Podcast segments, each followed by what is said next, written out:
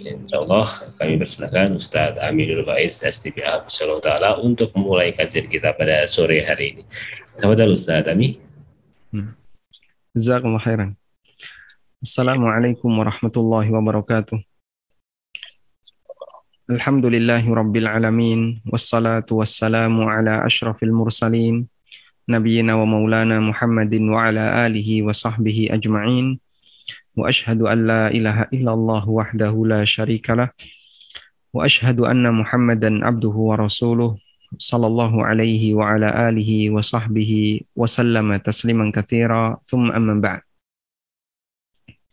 Alhamdulillah, puji syukur kita haturkan kehadirat Allah Azza wa Jalla di kesempatan sore hari ini kembali kita melanjutkan kajian rutin kita dengan membaca buku Manhajus Salikin karya Syekh Abdurrahman bin Nasir As-Sa'di rahimahullahu taala dan insya Allah di kesempatan kali ini kita akan membaca tentang adab akad nikah, terutama ketika seseorang melangsungkan ijab kabul.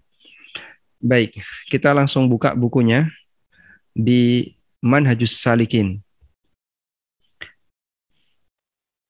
Qala al-musannifu rahimahullahu ta'ala wa yanbaghi an yakhtuba fi aqdin nikahi bikhutbah Ibni Mas'udin. Qal selayaknya ketika akad nikah fi aqdin nikah ketika akad nikah diawali dengan khutbah. Ayyakhtuba diawali dengan khutbah. Jadi ini beda harokat tapi jauh sekali maknanya ya. Tulisannya sama. Yakhtub. Ya, tulisannya begini ya. Sama. Kalau dibaca yakhtub artinya berkhutbah. Kalau dibaca yakhtib artinya melamar. Ya. Berkhutbah. Itu kalau pakai doma. Kalau pakai kasroh artinya melamar. Masya Allah ya jauh sekali perbedaannya. Hanya dengan perbedaan harokat di huruf to. Wayam bagi tuba fi akdin nikah bi khutbati ibni Mas'udin. Ketika akad nikah dianjurkan untuk diawali dengan khutbah sebagaimana khutbah dalam hadis Ibnu Mas'ud. Qala Ibnu Mas'ud mengatakan, Allamana Rasulullah sallallahu alaihi wasallam at-tashahhuda fil hajah. Rasulullah wasallam mengajarkan kepada kita untuk membaca tasyahud. Dan yang dimaksud membaca tasyahud di situ adalah membaca khutbatul hajah. Kenapa disebut membaca tasyahud? Karena di situ adalah fat tasyahud. Allamana Rasulullah sallallahu alaihi wasallam at-tashahhuda fi khud fil hajah Nabi SAW mengajarkan kepada kami untuk mengucapkan lafaz tasyahud fil hajah ketika ada kebutuhan. Disebut sebagai khutbatul hajah dari kalimat fil hajah dari perkataan Ibnu Mas'ud.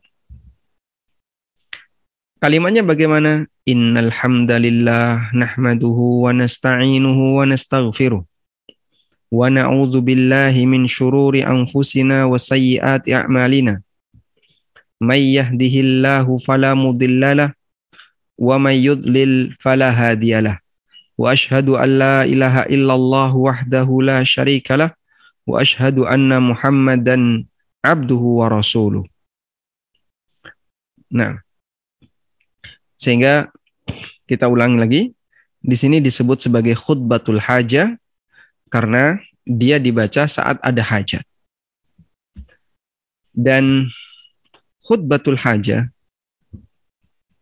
disebut sebagai khutbah hajah karena dijadikan mukaddimah dijadikan mukaddimah saat ada hajat. Ya. Hajat itu terhitung hajat ketika dia penting. Kalau dia tidak terlalu signifikan, tidak terlalu penting bagi urusan manusia, maka tidak bisa disebut sebagai hajat. Maksudnya adalah sesuatu yang penting dalam hidup manusia. Sehingga khutbah ini sehingga mukaddimah khutbah ini sehingga khutbah ini tidak hanya disyariatkan ketika hendak akad nikah. Juga disyariatkan dalam semua bentuk hajat. Anda punya hajat tertentu yang itu penting untuk diutarakan, penting untuk dilakukan, maka dianjurkan untuk mengawalinya dengan membaca khutbatul hajah. Innal hamdalillah nahmaduhu wa nasta'inuhu wa nastaghfiruh dan seterusnya sampai membaca ayat-ayat dalam Al-Qur'an lalu Pak Ustadz saya mau tanya. Oh Masya Allah ya mau tanya pakai khutbatul hajah ya. Ya jadi ini kepanjangan Ustadznya nunggu. Ya. Meskipun sah-sah saja demikian, tapi um, tadi ya disampaikan ketika kita punya hajat yang penting. Sehingga bisa juga dijadikan sebagai mukaddimah ketika mau berkhutbah Jumat. Mukaddimah ketika khutbah Id. Mukaddimah ketika khutbah yang lain. Karena ini bagian dari ya, ini bagian dari pengantar ketika orang punya hajat. Nah, teks khutbatul hajah. Innal hamdalillah. Sesungguhnya segala puji itu milik Allah. Nahmaduhu wa nasta'inuhu wa nastaghfiruh kita memujinya, memohon nas'uh nasta'inuhu, mohon pertolongan kepadanya. Dalam cetakan, dalam manuskrip dengan tanda ta ada tambahan wa nastahdi. Namun kata muhakkik, kata pemberi catatan, walam ajidha fi syai'in minar riwayatil hadis. Tapi tidak aku jumpai dalam riwayat-riwayat hadis. Dan kalaupun kita mendengar ada khotib seperti itu, nahmatuhu wa nasta'inuhu wa nastahdi wa. Ya, boleh-boleh saja, tapi itu tidak disebutkan dalam hadis. Wa nastaghfiruh dan kita memohon ampun kepadanya. Wa na'udzu billahi min syururi anfusina dan kita berlindung kepada Allah min syururi anfusina dari kejahatan jiwa kita. Wasayyiati a'malina dan kejahatan amal perbuatan kita syururul anfus ini adalah kejahatan lahiriah. Sayyiatul a'mal ini kejahatan syururul anfus ini kejahatan batin. Sayyiatul a'mal kejahatan lahir. Sehingga nomor satu kita kasih tanda nomor satu di situ adalah jahat batin. Karena batin manusia, jiwa manusia punya potensi jahat. Sayyiatul a'mal artinya adalah jahat lahiriah. Sehingga ketika kita berdoa kepada Allah, wa na'udzu billahi min syururi anfusina wa sayyiati a'malina, maka kita memohon perlindungan kepada Allah dari kejahatan lahir batin. May yahdihillah, barang siapa yang diberi petunjuk oleh Allah, fala mudhillalah, maka tidak ada yang menyesatkannya. Wa may yudlil dan barang siapa yang Allah sesatkan fala hadiyalah maka tidak ada yang bisa memberikan petunjuk kepadanya. Meskipun dia satu rumah dengan seorang nabi, ketika Allah tidak kasih petunjuk kepadanya, maka dia tidak akan mendapatkan petunjuk. Contohnya Bapak, siapa contohnya?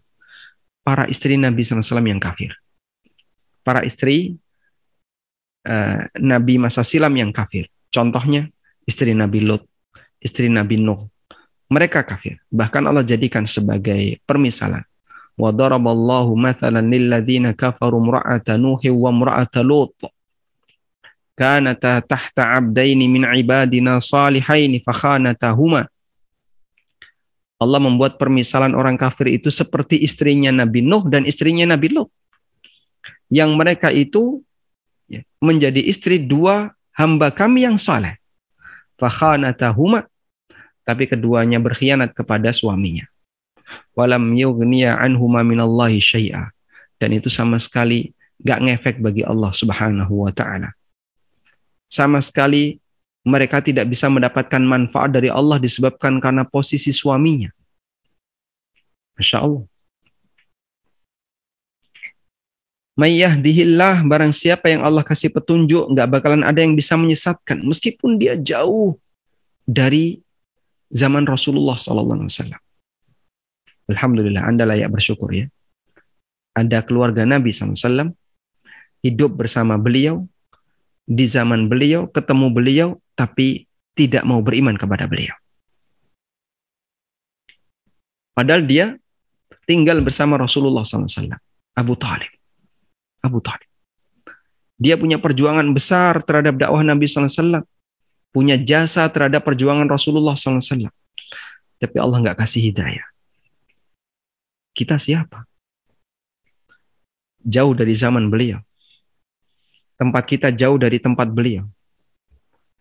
Kita tidak pernah ketemu beliau ayanan auru'yan baik dengan mata kepala maupun melalui mimpi. Kita nggak pernah ketemu Nabi SAW. Kemudian kita juga nggak punya hubungan kekeluargaan dengan beliau. Tapi Allah kasih kita hidayah. Berupa apa? Allah kasih kita hidayah mau masuk Islam dan mengikuti jalan sunnah. Itu anugerah yang besar jamaah. Tayyib.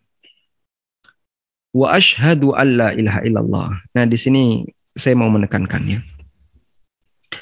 Huruf wa ini jangan ditinggal. Huruf wa jangan ditinggal. Para ulama mengingatkan huruf wa ini disebutkan dalam riwayat-riwayat tentang khutbatul hajah. Sehingga sampai mereka mengatakan kalau ada khatib yang mengatakan asyhadu alla ilaha illallah ini gak sempurna dalam mengamalkan sunnah. Kok kenapa Pak? Kurang huruf wa. Masya Allah, kurang wa saja. Ya itu diperhitungkan. Mengingat banyak pelanggaran terjadi seperti itu. Ya meskipun dari sisi keabsahan tetap sah sebagai khutbatul hajah, tapi dari sisi nilai kesempurnaan kurang sempurna. Pertama kali saya mendengarkan itu, saya selalu perhatikan wa asyhadu alla ilaha illallah. Dan sering kita jumpai khatib mengatakan may yahdihillah fala mudhillalah wa may yudlil fala hadiyalah asyhadu an la ilaha illallah. Kurang wa itu cacat dalam mengikuti sunnah Nabi SAW. Enggak sempurna. Baik, sekarang coba uh, Bapak Ibu perhatikan ya. Dalam khutbatul hajah, lafat syahadat itu Anda kalau sudah belajar bahasa Arab, nah, insya Allah paham ya, menggunakan kata ganti aku.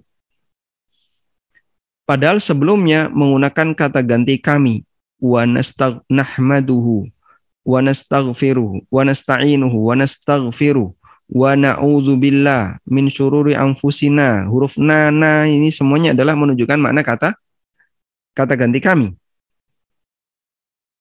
Ya. Jadi dalam khutbatul hajah di potongan awal dalam khutbah hajah ada perubahan ada perubahan kata ganti. Kata ganti itu apa? Domir. Dalam bahasa Arab namanya domir. Dari domir nahnu yang artinya kami ke domir ana yang artinya saya, aku. Bisa kita lihat di mana, Pak? Nahmaduhu wa nasta'inuhu. Kita lihat di sini. Nahmaduhu wa nasta'inuhu.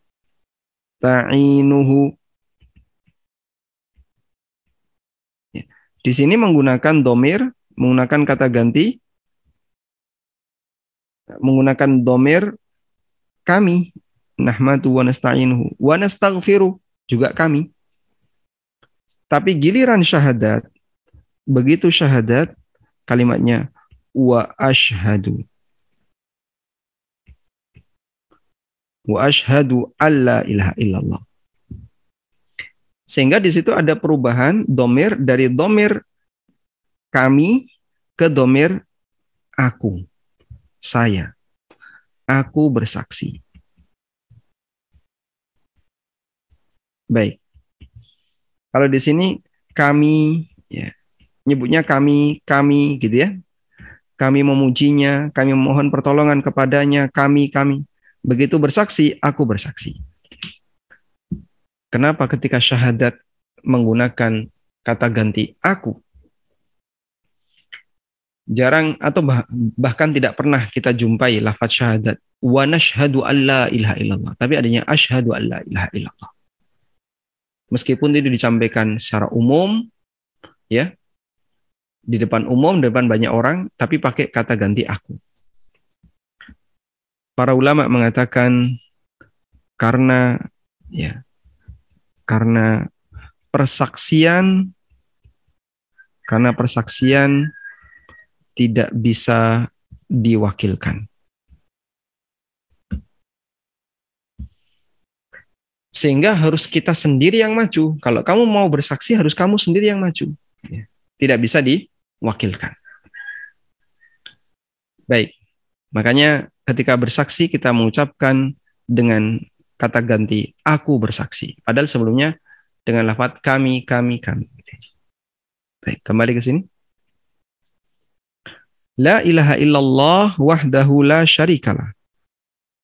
Tidak ada Tuhan yang berat disembah kecuali Allah, semata Allah, dan tidak ada sekutu baginya. Wahdahu la syarikalah, ini taukid. Wahdahu la syarikalah, ini taukid untuk la ilaha illallah. Para ulama mengatakan, la ilaha, lafad la ilaha itu sebanding dengan la syarikalah. Illallah sebanding dengan wahdahu. Lafat illallah dengan wahdahu itu sebanding.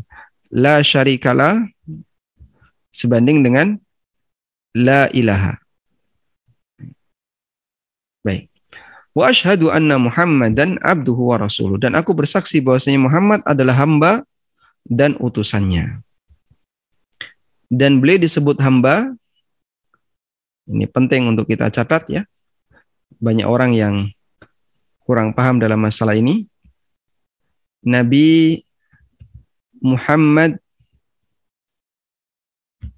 sallallahu alaihi wasallam beliau adalah hamba. Artinya beliau tidak memiliki sifat ketuhanan, maka jangan jadikan beliau sebagai Tuhan. Dan beliau adalah Rasul, utusan. Artinya wajib, beliau wajib untuk ditaati. Ditaati dan diikuti secara mutlak. Kenapa kok wajib ditaati dan diikuti secara mutlak? Karena mentaati utusan sama dengan mentaati yang mengutus.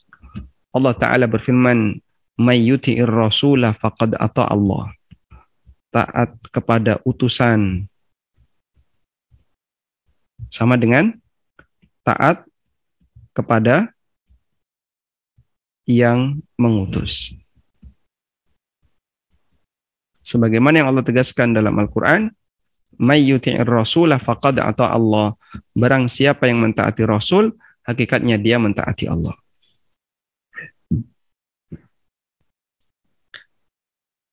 Wa yaqra'u thalatha ayatin, kemudian membaca tiga ayat, yaitu ini ya. Tiga ayat itu apa saja? Wassalathu al-ayat fassaraha ba'duhum. Yang dimaksud tiga ayat, sebagian ulama menyebutkan Pertama adalah surat Ali Imran ayat 102. Ya ayyuhalladzina amanu taqullaha haqqa tuqatih wa la tamutunna illa wa antum muslimun. Dan wal ayatul ula min suratin nisa dan ayat pertama dari surat An-Nisa, ya ayyuhan nasu taqu rabbakumul ladzi khalaqakum min nafsin wahidah sampai akhir. Kemudian surat Al-Ahzab ayat 71 ayat 70 71. Ya ayyuhalladzina amanu taqullaha wa qulu qawlan sadida yuslih lakum a'malakum wa yaghfir lakum dzunubakum. Sampai akhir ayat 71. Baik. Sehingga khutbatul hajah berakhirnya sampai di sini. Lalu amma ba'du begitu sudah amma ba'du sudah berakhir. Ini boleh langsung dilanjutkan dengan kalimat yang lain. Khutbatul hajah adalah sampai lafaz sampai ayat ya. Sampai ayat ketiga yang dibaca. Lalu diakhiri lalu diakhiri dengan amma ba'du. Lafat amma ba'du ini disebut dengan faslul khitab. Faslul khitab. Faslul khitab artinya pemisah bahasan. Mukaddimah sudah selesai sampai di sini. Amma ba'du. Pemisah bahasannya amma ba'du. Selanjutnya, bahasa kita ya, selanjutnya lalu disampaikan. Selanjutnya aku ingin menyampaikan pernikahan ini. Sudah? Bisa juga setelah amma ba'du kemudian diisi tausiah dulu. Baik. Dari sini kita bisa memahami bahwa susunan akad nikah yang sesuai sunnah susunan akad nikah sesuai sunnah ya satu, satu apa? Baca khutbatul hajah. Nah, pertanyaannya, siapa yang baca? Siapa yang baca? Seharusnya wali. Wali wanita. Kenapa? Karena dia yang akan menikahkan.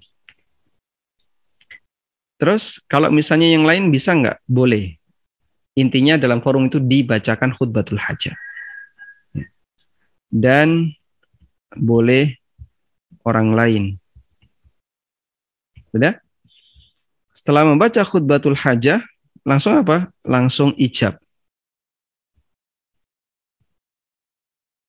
Langsung dilakukan ijab dari wali.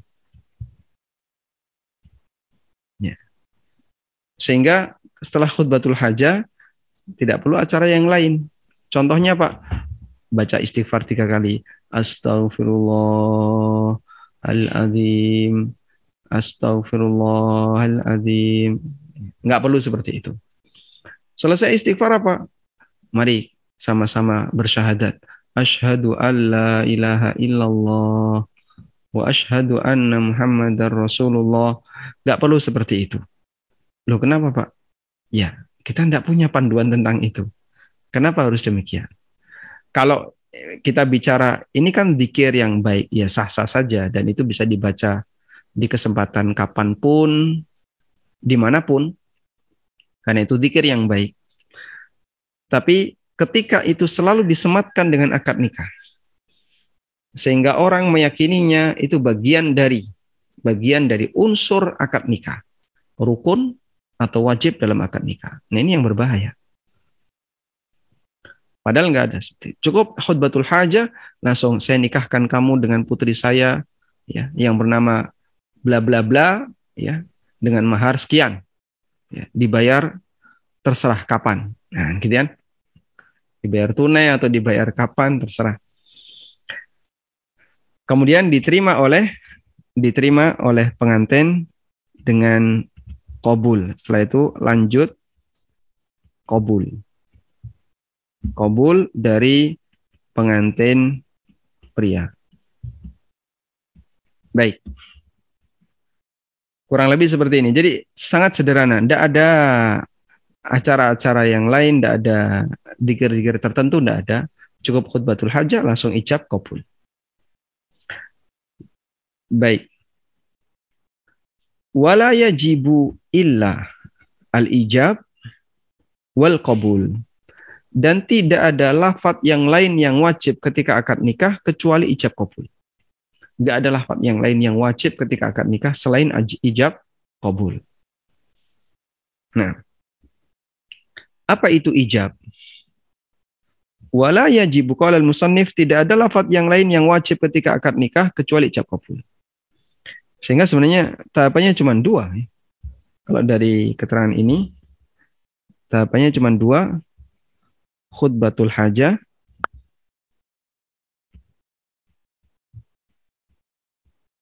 Lalu tahapan ini kalau sudah selesai, sudah ijab kopul gitu aja. Ijab kopul. Ini tahapan dua. Tahapan satu, tahapan dua. Yang ini hukumnya anjuran, yang ini hukumnya wajib dalam akad. Tidak boleh tanpa ijab kabul. Pak, kalau neng-nengan tuh boleh nggak? Neng-nengan tuh artinya saling diam. Ya. Pengantin putra ketemu walinya, lalu dia saling diam, manggut-manggut, oke. Okay. Nah, ya tidak sah. Kalau mau dicoba nikahnya tidak tidak sah. Harus ada ijab kabul. Baik. Sekarang kita akan berikan catatan tentang ijab kabul. Saya sendirikan ya biar nggak panjang. Catatan tentang ijab kabul.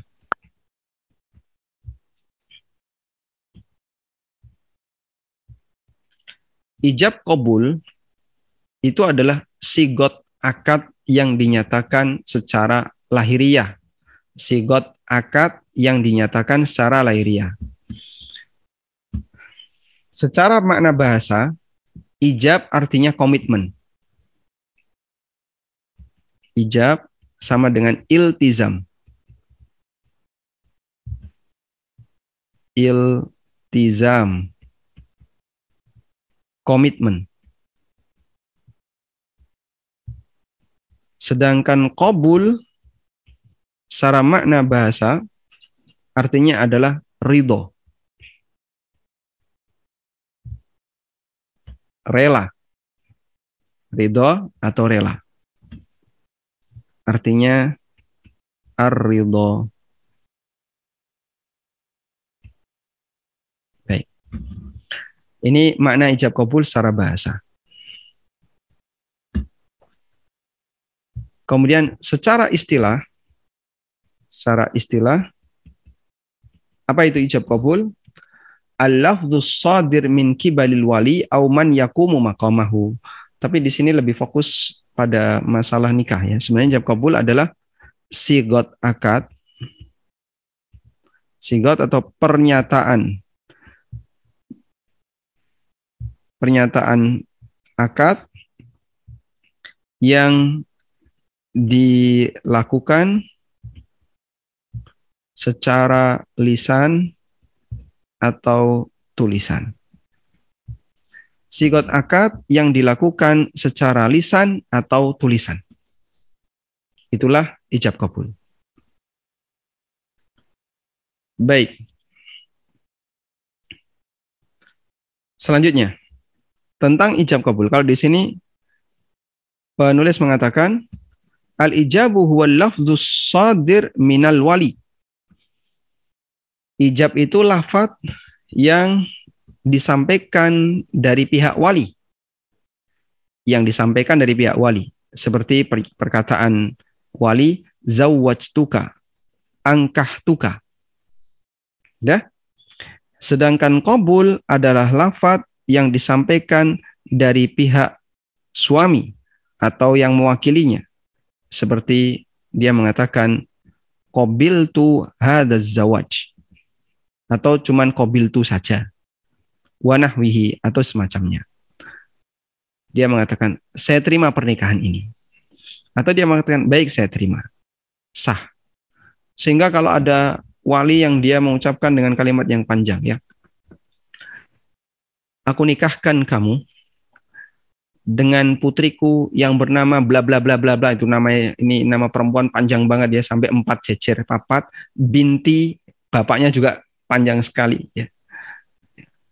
Misalnya bapaknya bernama ya uh, Sudarmono Noto Botolimo ning pinggir segoro nah misalnya panjang sekali. Ini si pengantin laki-laki bingung dengan namanya sementara dia nggak bawa catatan. Langsung diajak saya terima nikahnya. Sah. Cuman dia jawab, saya terima nikahnya. Titik, sudah, sah. Terus gimana Pak Ustadz? Nggak nyebut nama? Nggak apa-apa. Nggak nyebut nama. Sah. Hanya dengan kalimat kobil tuh. Aku terima. Itu sah. Atau kalimat yang semacamnya. Ya, kalimat semacamnya baik. Misalnya, baik, saya saya terima pernikahan ini. Hukumnya sah. Bisa juga dengan panjang. Saya terima nikahnya fulana bla bla bla panjang bin bintu fulan yang panjang juga namanya karena nggak apal kadang grogi baca apalagi kadang masih salah-salah ya kadang kalau mencoba untuk membaca kadang masih salah hmm. Taib. Dan bukan syarat harus mengulang penyebutan nama. Nah, sekarang kita coba uh, memberikan penjelasan yang lebih lengkap tentang masalah ijab kabul. Pertama, tentang hukumnya. Hukum ijab kabul. Ijab kabul termasuk rukun akad nikah. Berdasarkan kesepakatan ulama empat madhab, Hanafiyah, Malikiyah, Syafi'iyah, dan Hambali. Wadhalika lianna mahiyatan nikahi murakkabatun minal ijabi wal qabul wa mutawakkifatun alaihima. Karena pernikahan itu intinya adalah keberadaan ijab kabul. Sehingga kata kuncinya ada di ijab kabul. Ibnu Qudama mengatakan yan akidun nikah bilafzil inkah wat taswij wal jawab anhuma ijma'an. Dan ini dengan ijma' para ulama. Ya. Akad nikah itu harus ada ijab kabul. Hukumnya wajib. Baik. Selanjutnya. Tentang lafat pernikahan. Lafat ijab kabul. Afwan ya. Lafat ijab kabul. Lafaz ijab kabul ya. di sini tadi kita jelaskan hukum ijab kabul. Apa hukumnya tadi? Ini adalah rukun rukun akad nikah.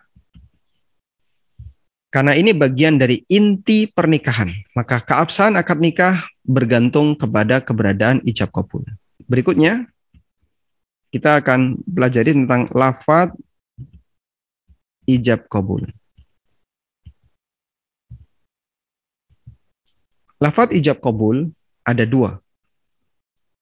Yang pertama, lafad yang tegas menggunakan kalimat nikah.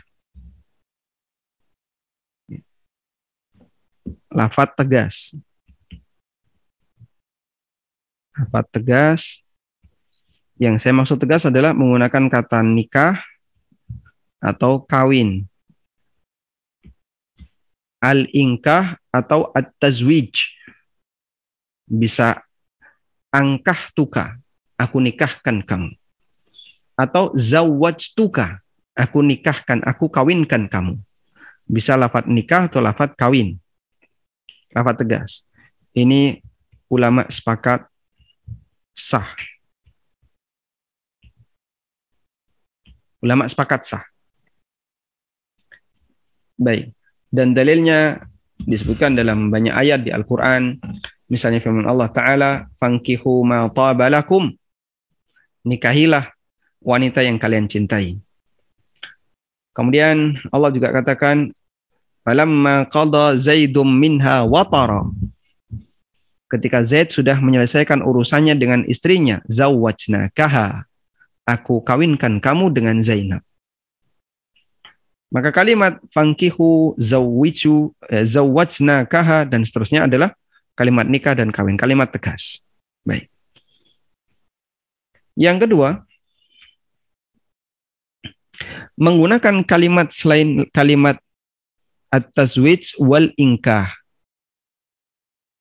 Menggunakan kalimat selain kalimat nikah. Seperti kalimat malak tukaha dengan lafaz tidak tegas.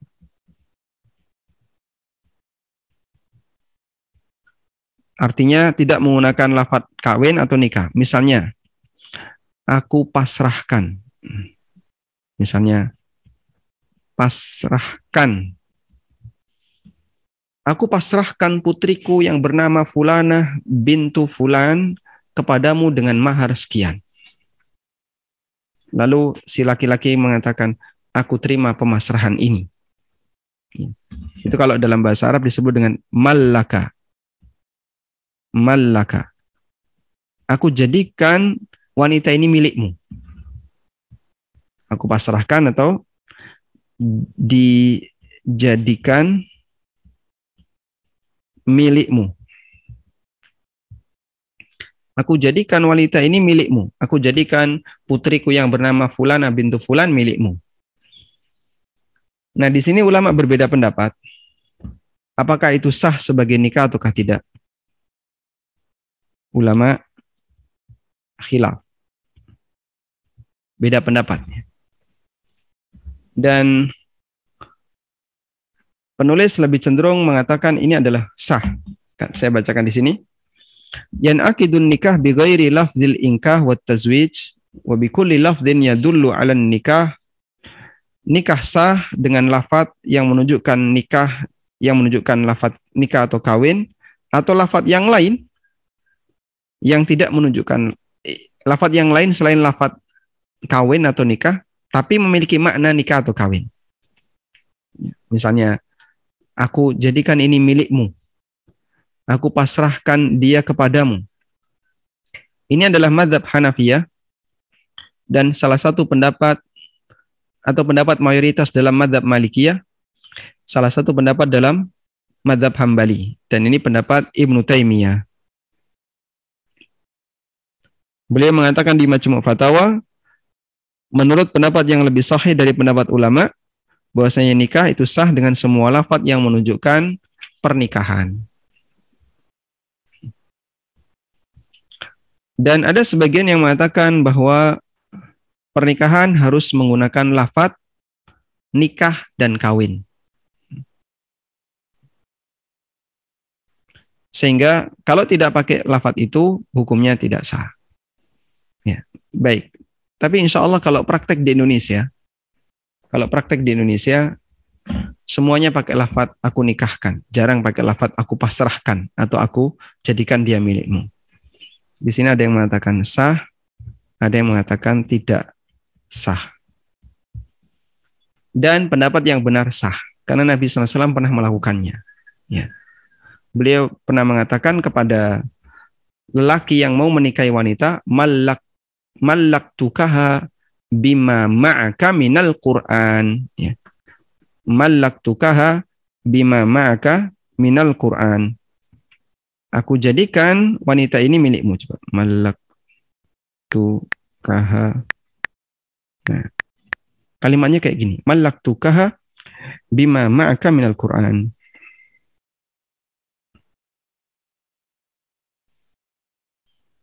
Jadi dalam kejadian seorang lelaki Ansar yang dia nggak punya mahar sampai disuruh nyari ya.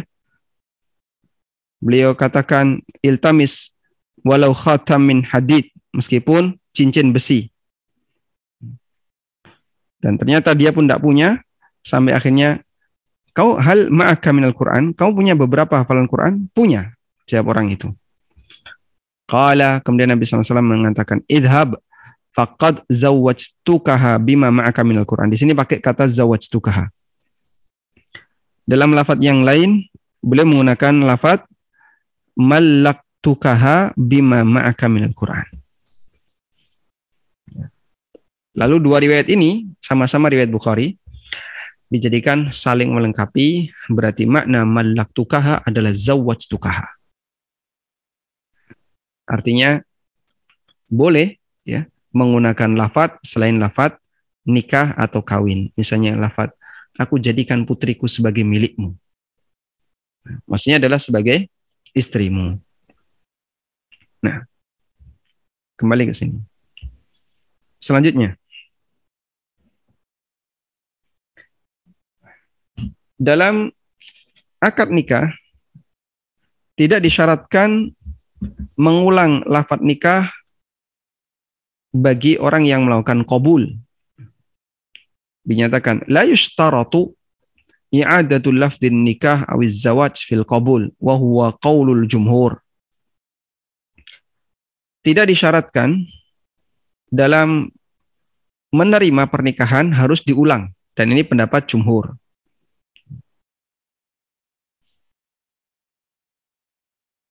Jumhur di situ adalah Hanafiyah, Malikiyah, Hambali, dan salah satu pendapat dalam madhab Syafi'iyah.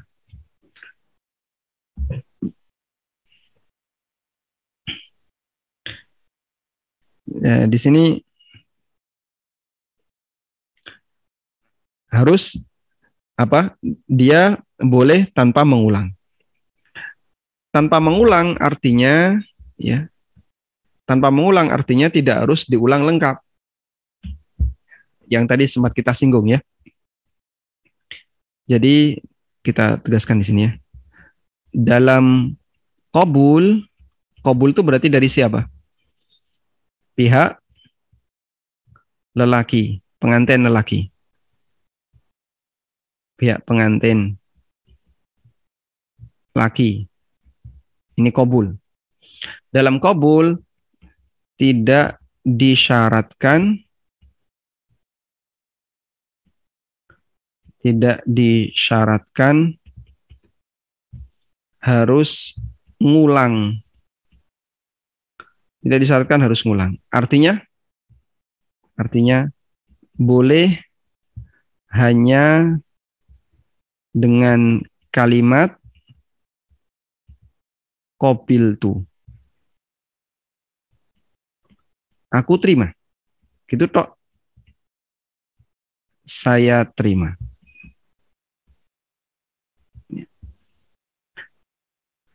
Sehingga bisa nggak kamu ijab kabul satu nafas? Bisa. Ya. Mau dilatih? Mau. Aku nikahkan kamu dengan putriku yang benar bla bla bla bla bla bla bla panjang ya. Ya, binti fulan bin bin bin fulan panjang. Dengan emas kawin seperangkat alat sholat dan emas 30 gram, 57 plus perak sekian gram. Sudah? Jawab. Kobil tuh. Ya, satu nafas. Hanya dengan kobil tuh satu nafas. Sehingga menurut jumhur ulama ini sah. Hanya dengan kobil itu itu sah. Dia bisa menjawab uh, akad nikah dengan hanya satu kalimat dan itu sah. Baik. Kemudian dalam madhab syafi'iyah dalam madhab syafi'iyah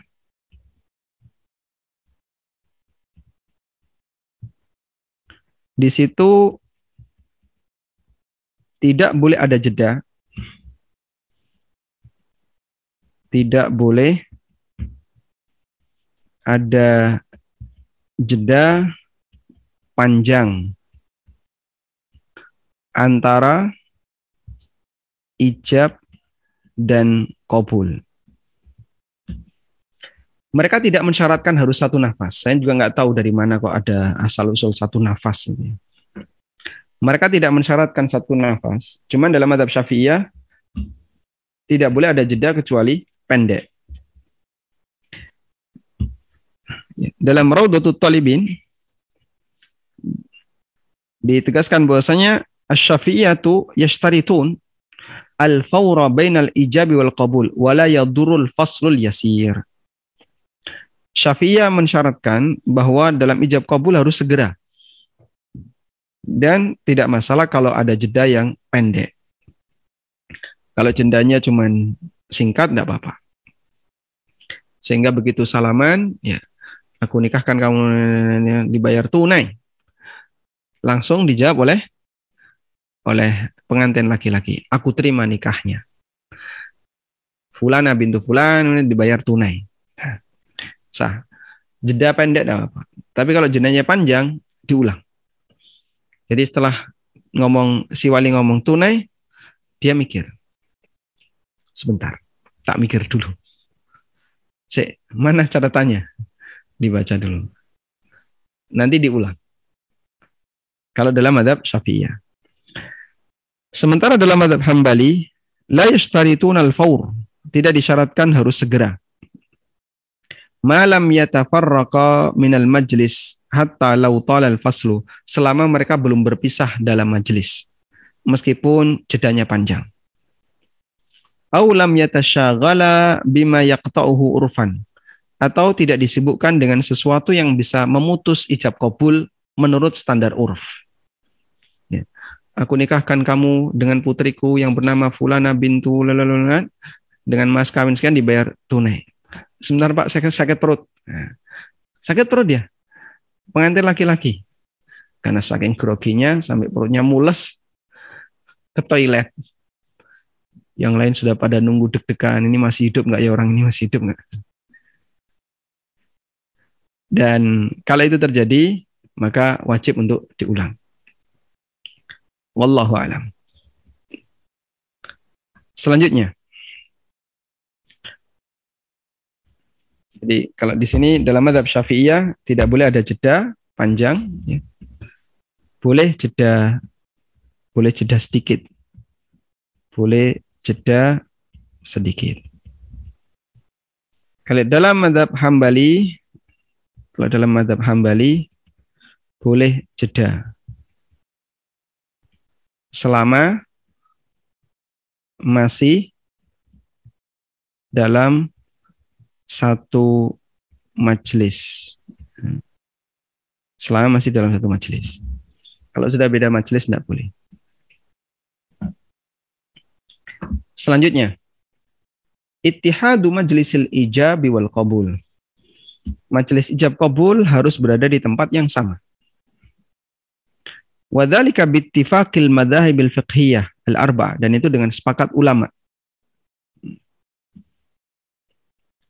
Ijab kabul harus dilakukan satu majelis dengan sepakat ulama. Di sinilah yang menjadi ilah, yang menjadi alasan kenapa tidak boleh akad nikah secara online. Kenapa? Karena antara ijab dan kabul berada di majelis yang berbeda. Yang satu berada di Surabaya, yang satu berada di Jakarta misalnya. Tidak bisa seperti itu. Dan ini dengan sepakat ulama. Nah. Selanjutnya, tadi ya, tentang akad nikah dengan menggunakan media komunikasi. Tidak boleh menggunakan media komunikasi modern, ya, seperti Zoom atau yang lainnya, atau telepon untuk akad nikah. Dan ini berdasarkan keputusan Majma' Fikih Al-Islami. Majma' Fikih Islami di bawah OKI, Organisasi Konferensi Islam, Organisasi Kerjasama Islam. Kemudian juga yang difatwakan adalah Lajnah Daimah. Dan di antara hikmahnya adalah dalam rangka untuk menjaga kehormatan kedua belah pihak sehingga seperti ini tidak boleh dipermainkan. Tidak boleh ada bentuk penipuan, tidak boleh ada tindakan pengelabuan, makanya dalam akad nikah mereka ketemu. Walhamdulillah. Sehingga ijab kabul harus dilakukan satu majelis dan karena itu tidak boleh akad nikah online. Tidak boleh akad nikah online dan ini telah diputuskan oleh Majma' Fikih Islami di bawah OKI juga fatwa yang disampaikan oleh Lajnah Daimah. Baik. Kemudian bagi orang bisu maka ijab kabul ijab kabul dilakukan dengan isyarat jika bisa dipahami atau tulisan. Dan ini berdasarkan sepakat ulama yan akidul ijab wal qabul minal akhras orang yang bisu sah ijab kabulnya dengan menggunakan ya dengan menggunakan tulisan atau isyarat.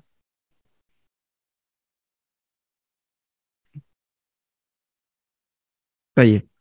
Atau dengan menggunakan isyarat selama dia mampu untuk melakukan itu. Wadzalika li'anna nikah maknan la yufamu minal akhras illa bil isyarah. Di mana nikah itu tidak bisa dipahami dari orang bisu kecuali dengan isyarat. Dan bisa juga dengan tulisan sebagai wakil dari isyarat. Ada satu kaidah yang mengatakan al-kitabu al-kitab kal khitab. Al-kitab kal khitab. Tulisan itu semakna dengan ucapan. Sehingga kalau tidak bisa diucapkan, maka cukup dengan tulisan jika tidak bisa mengucapkan. Tapi kalau bisa mengucapkan harus diucapkan. Wallahu a'lam. Walhamdulillahirabbil alamin. Baik. Baik, mungkin demikian yang bisa kita sampaikan. Semoga menjadi mukaddimah yang bermanfaat. Wassallallahu ala nabiyyina Muhammadin wa ala alihi wa sahbihi wasallam. Alhamdulillahirrahmanirrahim. Barakallahu fikum Ustaz atas penyampaian materi yang insya Allah uh, jelas dan sangat menarik berkaitan dengan ijab kabul. Sudah ada beberapa pertanyaan di kolom chat yang akan saya bacakan, namun juga apabila ada yang ingin bertanya secara langsung boleh dengan raise hand. Uh, sebelumnya saya bacakan dulu satu pertanyaan di kolom chat. Bismillahirrahmanirrahim. Assalamualaikum Pak Ustadz, mohon tanya. Uh, ada yang menyampaikan kalau untuk jadi saksi akad nikah sebaiknya yang sudah pernah menikahkan anak-anaknya. Apa benar syarat seperti itu Pak Ustaz? Mohon pencerahan. Barakallahu fikum. Baik. Waalaikumsalam warahmatullahi wabarakatuh. Ada yang menyarankan yang menjadi saksi akad nikah adalah yang sudah pernah menikahkan anaknya. Berarti kayak saya begini nggak sah jadi saksi ya tidak dianjurkan jadi saksi ya. Ya anakku saya cilik-cilik ya. Atau siapa mungkin para dokter yang ada di sini yang masih bapak-bapak muda ya. Tidak bisa jadi saksi karena belum pernah menikahkan anaknya. Saya tidak tahu dari buku mana orang ini menyampaikan seperti itu. Karena syarat persaksian syarat persaksian yang disampaikan oleh Nabi SAW adalah wasyahidai adlin dan dua saksi yang adil. Syarat saksi itu dinyatakan oleh Nabi SAW adalah wasyahidai adlin, dua saksi yang adil. Coba kita bacakan hadisnya ya. Saya tunjukkan hadisnya.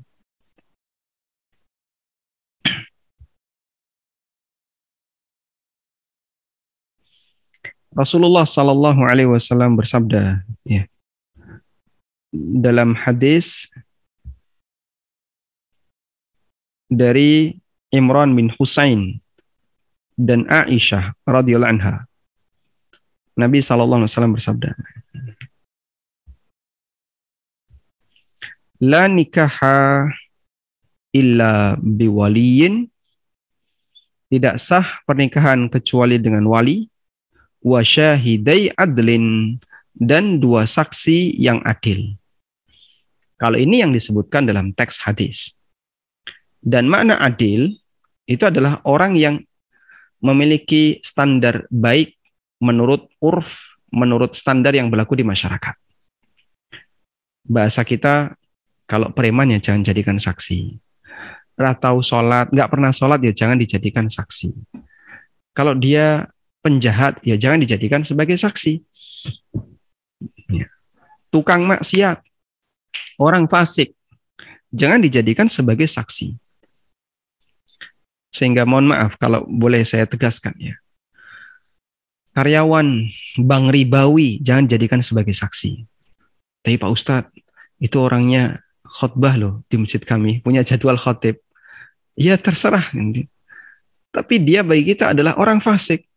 Kenapa? Pemakan riba terang-terangan. Dia orang fasik. Kok bisa terang-terangan? Dia bertahan sebagai karyawan bank dan ke mana-mana dia pakai identitas itu. Dia nggak malu untuk menyebutkan identitas itu. Kadang bahkan dia motivasi orang untuk utang bank dengan cara riba. Ya ini orang fasik. Nggak boleh jadi saksi. Atau manusia yang menurut Anda dia ini pemakan korupsi, harta, suka korupsi, ngambil harta negara, ya, doyan sogok. Masyarakat tahu, ah ini orangnya. Jadi orang lihat suudon dengan harta dia. Yang kayak gini jangan dijadikan saksi. Intinya saksi yang adil itu adalah orang yang masih berstatus sebagai orang baik di masyarakat. Standarnya kembali kepada standar umum yang berlaku di masyarakat muslim. Insya Allah kalau di masyarakat kita standar baiknya itu masih terukur, yaitu dia orang baik ya. Maka yang preman, penjahat, gak pernah sholat, koruptor, kemudian uh, pezina, ya. Oh dia dikenal sebagai lelaki pezina dan seterusnya, maka tidak boleh jadi saksi. Wallahu a'lam. Barakallahu Ustaz atas uh, jawabannya. Kemudian kesempatan yang selanjutnya kami berikan kepada tadi ada sudah yang resen yang pertama yaitu silahkan Umu Ahmad di Semarang mohon singkat dan sesuai dengan tema Tafadol. Assalamualaikum warahmatullahi wabarakatuh Ustadz Waalaikumsalam Afwan, isi bertanya di luar tema uh, Apakah seorang istri boleh meminta cerai dengan alasan suami tidak pernah sholat dan tidak pernah puasa Ramadan. Gitu aja Ustaz. Sholat Jumatan tidak? Jumatan pernah atau tidak? Baik. Ketika ada seorang lelaki yang dia tidak pernah sholat, maka ya, statusnya keluar dari Islam. Sehingga apabila istrinya adalah seorang muslimah yang menjaga ibadah kepada Allah Ta'ala, sholat dan seterusnya, begitu menjumpai suaminya seperti ini, ya nggak pernah sholat, nggak pernah puasa Ramadan, dia langsung memisahkan diri dari suaminya, mungkin tinggal di rumah orang tuanya dulu atau tinggal di tempat tertentu, mengamankan dirinya dan tidak menjalin hubungan dengan suaminya sampai ada dua keputusan. Pertama, suaminya tobat mau sholat, langsung balik lagi tidak perlu mengulang akad nikah. Yang kedua, suaminya tetap bertahan di situ dan tidak mau tobat, sehingga dia pilih untuk pisah. Maka pisah selamanya.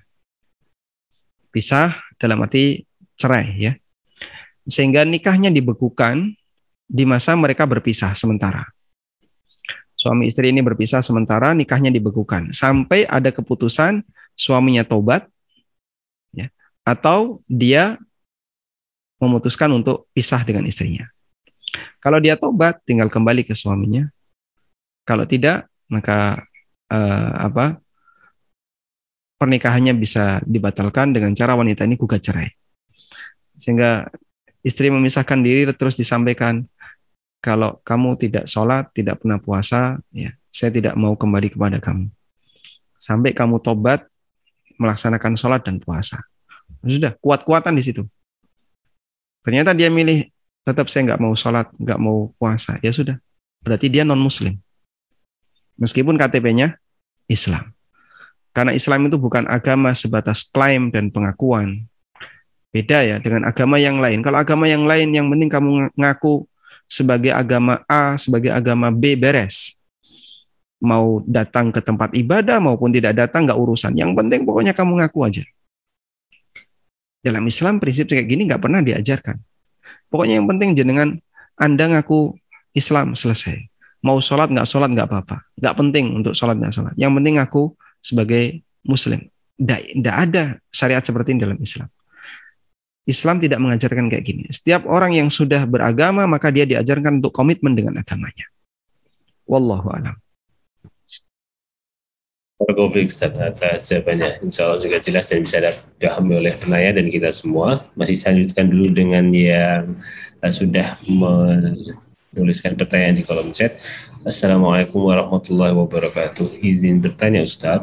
Hmm. Saya seorang janda cerai mati. Punya anak angkat laki-laki usia 20 tahun dari adopsi sah di pengadilan negeri yang mau menikah bulan depan apakah ayah kandungnya boleh jadi saksi saat ijab kabul akad nikah atau yang jadi saksi kakak kandung saya laki-laki. Kemudian saat resepsi nikah, apakah saya boleh berdiri berdampingan dengan ayah kandung dari anak tersebut di tempat duduk pelaminan pengantin? Eh, atau saya didampingi kakak kandung saya laki-laki atau saudara laki-laki dari keluarga almarhum suami saya. Syukran jazakumullah. Assalamualaikum warahmatullahi wabarakatuh. Waalaikumsalam warahmatullahi wabarakatuh. Untuk akad nikahnya, lelaki itu boleh akad nikah sendirian tanpa ditemani oleh keluarganya. Itu salah satu aturan ya. Sehingga lelaki ini tiba-tiba datang sendirian akad nikah pulang bawa istri. Itu sah. Tapi kalau wanita tidak, harus ada pendampingnya. Baik. Nah, terkait masalah persaksian dalam akad nikah, saksi itu bebas. Yang penting laki-laki yang adil, dua jumlahnya. Tapi biasanya pihak KUA mensyaratkan saksi itu dari pihak keluarga laki dan dari pihak keluarga, keluarga perempuan. Mereka nanti akan store KTP, terus itu yang dicatat. Nah, sebaiknya siapa yang dari keluarga lelaki, dari anak angkat Anda ini? kami sarankan sebagai bentuk penghargaan bagi ayah kandungnya karena adopsi tidak boleh mengubah nasab sebagai bentuk penghargaan bagi ayah kandungnya sebaiknya yang jadi saksi ayah kandung ya sebagai penghargaan agar tidak agar hubungan tetap terjaga tidak mengubah nasab sudah kemudian nanti kalau di atas pelaminan nah di atas pelaminan ini ya di atas pelaminan ini sebaiknya Anda berdampingan dengan mahram. Kalau Anda tetap mau berada di atas. Tapi uh, sebenarnya kami tidak sarankan ya model kayak gini. Andaikan itu bisa dipisahkan ya antara laki dan perempuan, tamu laki-laki di sebelah kanan, tamu perempuan di sebelah kiri. Ada tabir misalnya ya sehingga tidak campur. Maka tamu laki-laki nanti menyalami uh, apa wali ya, orang tua dari perempuan, ayah dari pengantin perempuan dan keluarga dari pengantin laki-laki. Semuanya laki-laki di situ. Yang perempuan juga sama. Nah, nanti Anda bisa mendampingi pengantin perempuan. Kalau seperti ini yang dilakukan, Alhamdulillah itu yang terbaik. Dan kami sarankan lakukan seperti ini. Sehingga tidak berdamping-dampingan tadi ya. Pasangan saya siapa? Karena suami ibu sudah meninggal. Pasangan saya siapa? Ya seharusnya dipisahkan. Perempuan sendiri, laki-laki sendiri. Nanti tamunya ketika salaman, mereka hanya berjumpa laki-laki berjumpa laki-laki, perempuan berjumpa perempuan. Wallahu a'lam. Fikum atas banyak Ustaz. Semoga jelas untuk penanya dan untuk kita semua. Selanjutnya kami berikan kesempatan untuk yang resen lagi. Uh, virus Amalina Filda, tafadhol. Silakan di unmute. Mohon singkat dan sesuai dengan tema.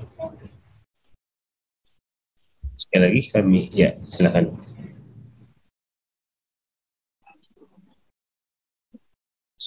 Sudah di unmute tapi kami belum mendengar suaranya.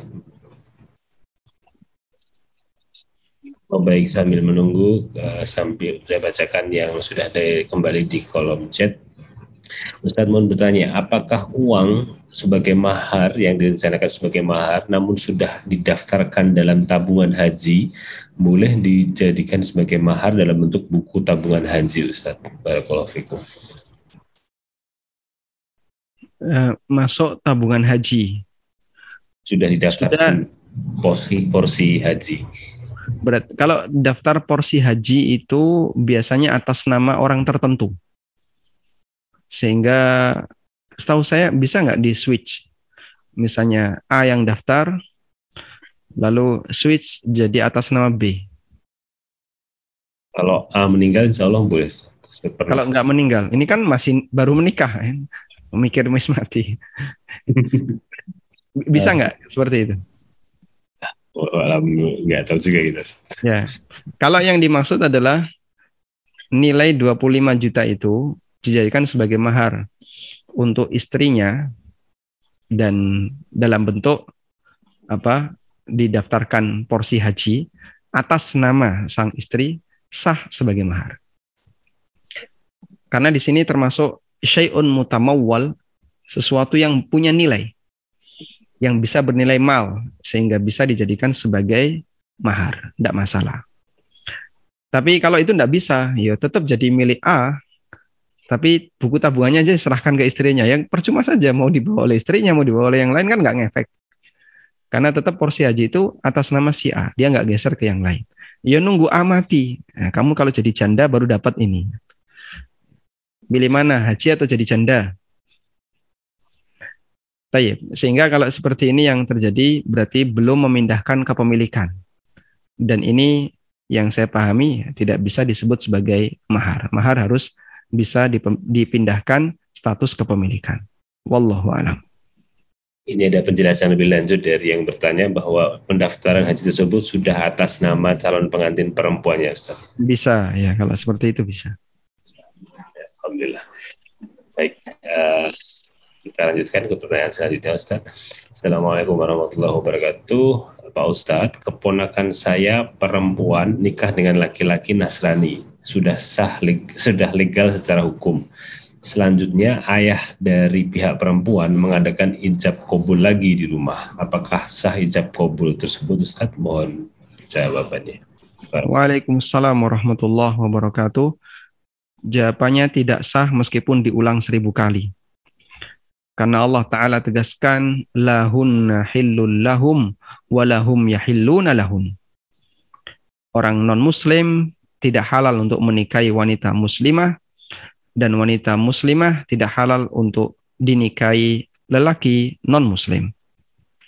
Karena tidak halal, maka pernikahan itu batal bukan disebabkan hukum negara, tapi dia batal karena ya beda agama di mana posisi perempuannya adalah seorang muslimah. Seharusnya sang wali menyadari akan hal ini dan dia harus memberikan batasan. Kalau calon suaminya, sisi lelaki yang menikahi putrinya adalah seorang non-muslim, jadikan sebagai syarat. Kamu boleh saya nikahkan dengan putrimu dengan syarat kau masuk Islam. Dan harus ada penekanan seperti itu, dijaga Islamnya dan seterusnya. Dan kami sangat khawatir ketika ini terjadi, ya, kemungkinan nanti wanita itu yang akan murtad. Dan jumlah wanita yang murtad di Indonesia karena faktor seperti ini cukup banyak.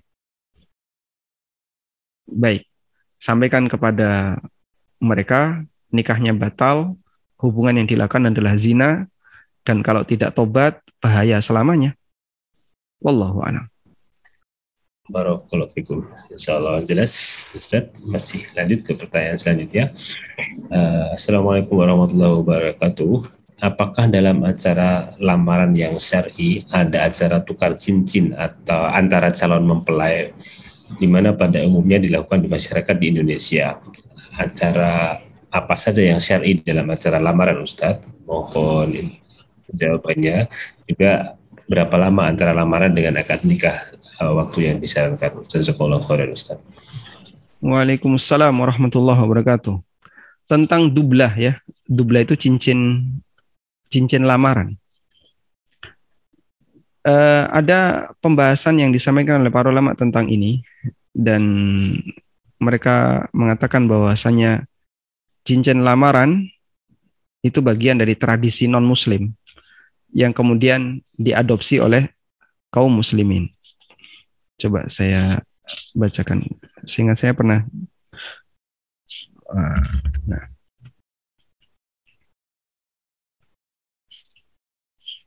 tentang cincin lamaran.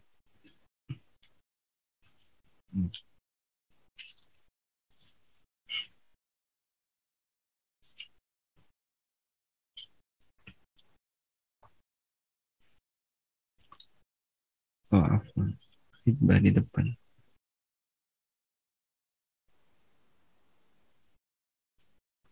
Ya, jadi cincin lamaran masuk dalam kategori ya kebiasaan non muslim, tapi di diambil oleh kaum muslimin dan para ulama mengatakan apabila itu diiringi dengan keyakinan bahwa dengan cincin ini maka akan semakin merekatkan akar uh, merekatkan rasa cinta dan seterusnya.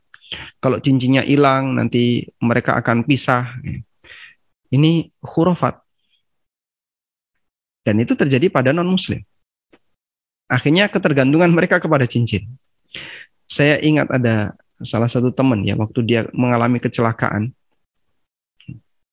Waktu dia mengalami kecelakaan, dia bilang waktu jatuh itu yang dipegangi cincinnya. Oh, jangan sampai hilang. Hmm. Ya gitu. Kamu pakai cincin? Oh, nah. Yang dipegangi itu cincinnya. Jangan sampai ini lepas. Cincinnya jangan sampai lepas. Ya, memang kalau lepas kenapa? Wah, kalau sampai jatuh lepas, ini bisa berbahaya pada ikatan antara dia dengan calon si wanita. Dan ini keyakinan nggak benar. Akhirnya apa bedanya dengan orang menggunakan jimat? Yang dia beranggapan kalau saya pakai jimat ini maka nanti saya kuat. Kalau enggak jimat ini lepas, wah nanti saya jadi lemah. Maka ketergantungan hatinya kepada jimat. Sebagaimana ada orang yang punya ketergantungan hati kepada cincin. Makanya sebaiknya ini tidak dilakukan. Meskipun boleh saja ketika seorang lelaki pada saat dia melamar ngasih cincin kepada wanita yang dilamarnya, boleh ya. Dan tidak perlu berpasangan. Sehingga saya pakai cincin, yang wanita ngasih cincin ke pihak lelaki, yang lelaki ngasih cincin ke pihak wanita. Nggak perlu seperti itu. Cukup hadiah searah saja. Apa yang syar'i dalam melamar, ya, yang syar'i dalam melamar ya, tidak ada aturan khusus. Yang penting jangan melanggar hak orang lain. Jangan melamar wanita yang sudah dilamar orang lain kecuali dapat izin dari dia. Jangan melamar wanita yang sedang menjalani masa iddah, ya. kecuali hanya sebatas takrit menggunakan kalimat kiasan yang dulu pernah, sudah pernah kita bahas. Jadi adanya batasan-batasan larangan yang nggak boleh dilakukan saat melamar. Tapi kalau amalan tertentu saat melamar, wallahu alam tidak ada. Wallahu alam. Nah. Barakallahu Ustaz atas jawabannya dan pertanyaan masih sangat banyak sekali Masya Allah. Nanti mohon abah-abahnya Ustaz kalau sudah menjelang waktu maghrib di Jogja. Selanjutnya saya bacakan lagi. Assalamualaikum warahmatullahi wabarakatuh. Ustaz, izin bertanya, apakah seorang wanita yang sudah pernah menikah tidak memerlukan wali lagi dalam uh, pernikahan selanjutnya ketika sudah berpisah dengan pernikahan yang pertama? Jazakallah khairan Ustaz. Waalaikumsalam warahmatullahi wabarakatuh. Syarat wali berlaku bagi pernikahan baik untuk gadis maupun janda. Baik untuk gadis maupun janda. Sehingga ketika janda menikah, dia harus pakai wali. Sebagaimana ketika dia masih gadis menikah, harus pakai wali. Pemahaman bahwasanya janda boleh nikah tanpa wali, ini pemahaman yang salah. Karena hadisnya berlaku umum, la nikaha illa biwaliyin tidak boleh ada pernikahan kecuali dengan wali. Wallahu a'lam. Mungkin standarnya beda ya. Kalau janda itu tidak perlu uh, janda harus ngomong, ditunggu kata Nabi SAW al-bikru tusta al-bikru tusta'dan wa thayyibu tusta'mar.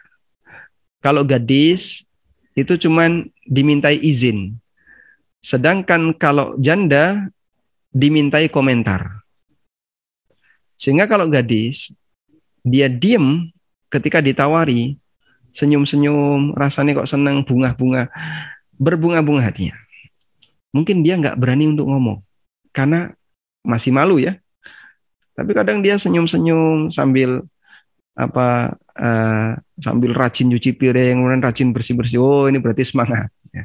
Mau ini. Sudah, silahkan dilanjutkan. Tapi kalau janda ditawari, kamu mau nggak sama ini? Dan dia diam saja, senyum-senyum saja. Itu jangan dilanjut dulu. Tunggu sampai dia ngomong. Sampai dia komentar. Nah, itu perbedaannya di situ antara janda dengan gadis. Wallahu a'lam. So, jelas sekali. Uh, dan saya lanjutkan ke pertanyaan selanjutnya. Bismillahirrahmanirrahim. Assalamualaikum warahmatullahi wabarakatuh. Izin bertanya Ustadz, jika ada seorang akhwat yang ingin menikah, sementara sang ayah sudah meninggal dunia, tetapi memiliki tiga orang kakak laki-laki satu ayah, tapi beda ibu yang jauh berbeda kota. Dan si wali akhwat tersebut, kakak laki-laki, menyerahkannya ke KUA, tetapi pada hari H akad nikah, kakak laki-laki tersebut datang. Apakah pernikahannya syah ketika itu sudah diserahkan ke KUA? Ustaz Jazakallah khairan. Waalaikumsalam warahmatullahi wabarakatuh. Apabila wali yang sah sudah menyerahkan kepada pihak yang lain, berarti statusnya dia telah melakukan wakalah. Dia telah melakukan wakalah. Sehingga wali Anda yang sah yaitu kakak sebapak, kakak sebapak bisa jadi wali. Kalau kakak seibu tidak bisa, yang sebapak yang bisa. Kandung atau sebapak. Sebapak itu sama bapak beda ibu ya. Ketika saudara sebapak, saudara laki-laki sebapak sudah menyerahkan kepada pihak KUA. Ini tolong pernikahan adik saya diurusi, dilanjutkan. Maka nanti KUA yang ngurusi, meskipun beliau hadir waktu majelis akad, hukum akadnya sah. Karena dengan keberadaan wakalah berarti uh, wewenangnya sudah dilimpahkan ke orang yang diwakilkan. Wallahu alam. Baik, satu pertanyaan lagi insya. Satu pertanyaan lagi, baik Ustaz. Jadi saya bacakan dari kolom chat juga agak panjang, tapi insya Allah jelas. Assalamualaikum warahmatullahi wabarakatuh Ustaz. Saya sudah berpisah dengan suami dan anak kami satu-satunya ikut dengan saya saya sudah menikah lagi. Hubungan saya dengan anak saya dengan mantan suami tersebut atau bapak kandung anak tersebut sangat buruk karena si bapak itu sejak awal berpisah tidak mau membiayai anaknya dan sama sekali tidak ada perhatian apa pun terhadapnya sampai saat ini, termasuk pembiayaan kehidupan anak tersebut dan pembiayaan pembiayaan anak tersebut sekarang dilakukan oleh ayah tirinya suami saya sekarang dan anak saya ini sangat sayang terhadap anak ti, ayah tirinya tersebut suami saya sekarang tidak lama lagi anak saya akan menikah tapi dia tidak mau diwalikan oleh ayah kandungnya dia maunya diwalikan oleh ayah tirinya. Bagaimana Pak Ustadz? Apakah ini diperbolehkan? Mengingat ayah kandungnya tidak pernah bertemu dengan anaknya jadi si ayah merasa, si anak merasa tidak punya kewajiban untuk menghubungi ayahnya. Jazakallahu khair Ustaz. Barakallahu fiik. Masya Allah, Masya Allah. Waalaikumsalam warahmatullahi wabarakatuh. Nah, ya memang betul apa yang dikatakan oleh Umar bin Khattab radhiyallahu anhu. Ketika ada anak durhaka ya kepada bapaknya, ada anak durhaka kepada bapaknya, anak itu diseret sama bapaknya untuk diadili di hadapan Umar. Lalu Umar memberikan nasihat kepada anak ini, kamu harus berbakti kepada bapakmu, nggak boleh durhaka kepada bapakmu, dan seterusnya. Kemudian si anak ini membela diri. Wahai Amirul Mukminin, boleh saya kasih alasan? Silahkan. Karena ini di majelis persidangan. Sehingga Umar harus mendengarkan dari kedua belah pihak. Tadi baru dapat laporan dari bapak. Sekarang sang anak boleh menyampaikan sanggahan. Sehingga ya cover both side ya, dua belah pihak harus di cover. Lalu si anak ini mengatakan, "Bapakku telah durhaka kepadaku sebelum aku durhaka kepadanya." Dia tidak pernah ngajariku agama. Dia tidak memberi, memberikan perhatian kepadaku tentang masalah agama dan seterusnya. Ada banyak sekali uh, alasan yang disampaikan oleh anak ini sehingga dia nggak senang sama bapaknya. Maka Umar bin Khattab radhiyallahu anhu mengatakan, engkau telah mendurhakai anakmu sebelum kamu mendurhakai sebelum anakmu mendurhakai dirimu. Ya. Sehingga ketika ada anak yang kadang durhaka kepada orang tua, kadang sebabnya adalah berawal dari orang tua. Sehingga kami sangat yakin putri Anda yang benci kepada bapaknya, ya, bisa jadi karena memang bapaknya ya dia seperti itu kondisinya. Meskipun demikian, kedoliman tidak boleh dibalas dengan kedoliman. Ya, ini kaidah. Tapi ya dikembalikan kepada yang benar. Gak ada ruginya kalau putri Anda dia tetap menyambung silaturahmi dengan bapaknya. Bapak tetap bapak meskipun dia jauh hubungan tetap Bapak. Karena itu tidak bisa putus status Bapak disebabkan karena dia sudah dibiayai, sudah dibersamai oleh suami atau bapak tirinya. Sehingga nanti ya yang berat jadi wali tetap bapak kandung. Masalah selanjutnya kok setelah itu bapak kandung pergi meninggalkan forum setelah akad nikah selesai kemudian dia pergi itu urusan dia. Tapi yang berat jadi wali tetap bapak kandung. Sehingga kalau masih bisa dihubungi itu bapak kandung, minta agar dia jadi wali. Kalau dia nggak mau jadi wali, karena benci sama putrinya misalnya, atau benci sama istrinya plus putrinya karena sudah nikah lagi, Anda sudah nikah lagi. Kalaupun dia nggak mau, nanti silahkan sampaikan ke KUA, bapaknya nggak mau. Dengan cerita seperti ini. Nah, KUA bisa ngambil alih secara paksa. Dan kalau sudah diambil alih secara paksa, berarti sudah pindah hak perwalian ke KUA. Wallahu a'lam. Demikian yang bisa kita sampaikan dan mohon maaf barangkali ada beberapa yang pertanyaan yang belum bisa kita respon di kesempatan kali ini. Semoga nanti di lain kesempatan bisa kita bacakan insyaallah taala. وصلى الله على نبينا محمد وعلى آله وصحبه وسلم. وآخر دعوانا أن الحمد لله رب العالمين. والسلام عليكم ورحمة الله وبركاته. ارجعي إلى ربك راضية مرضية. فادخلي في عبادي. وادخلي جنتي.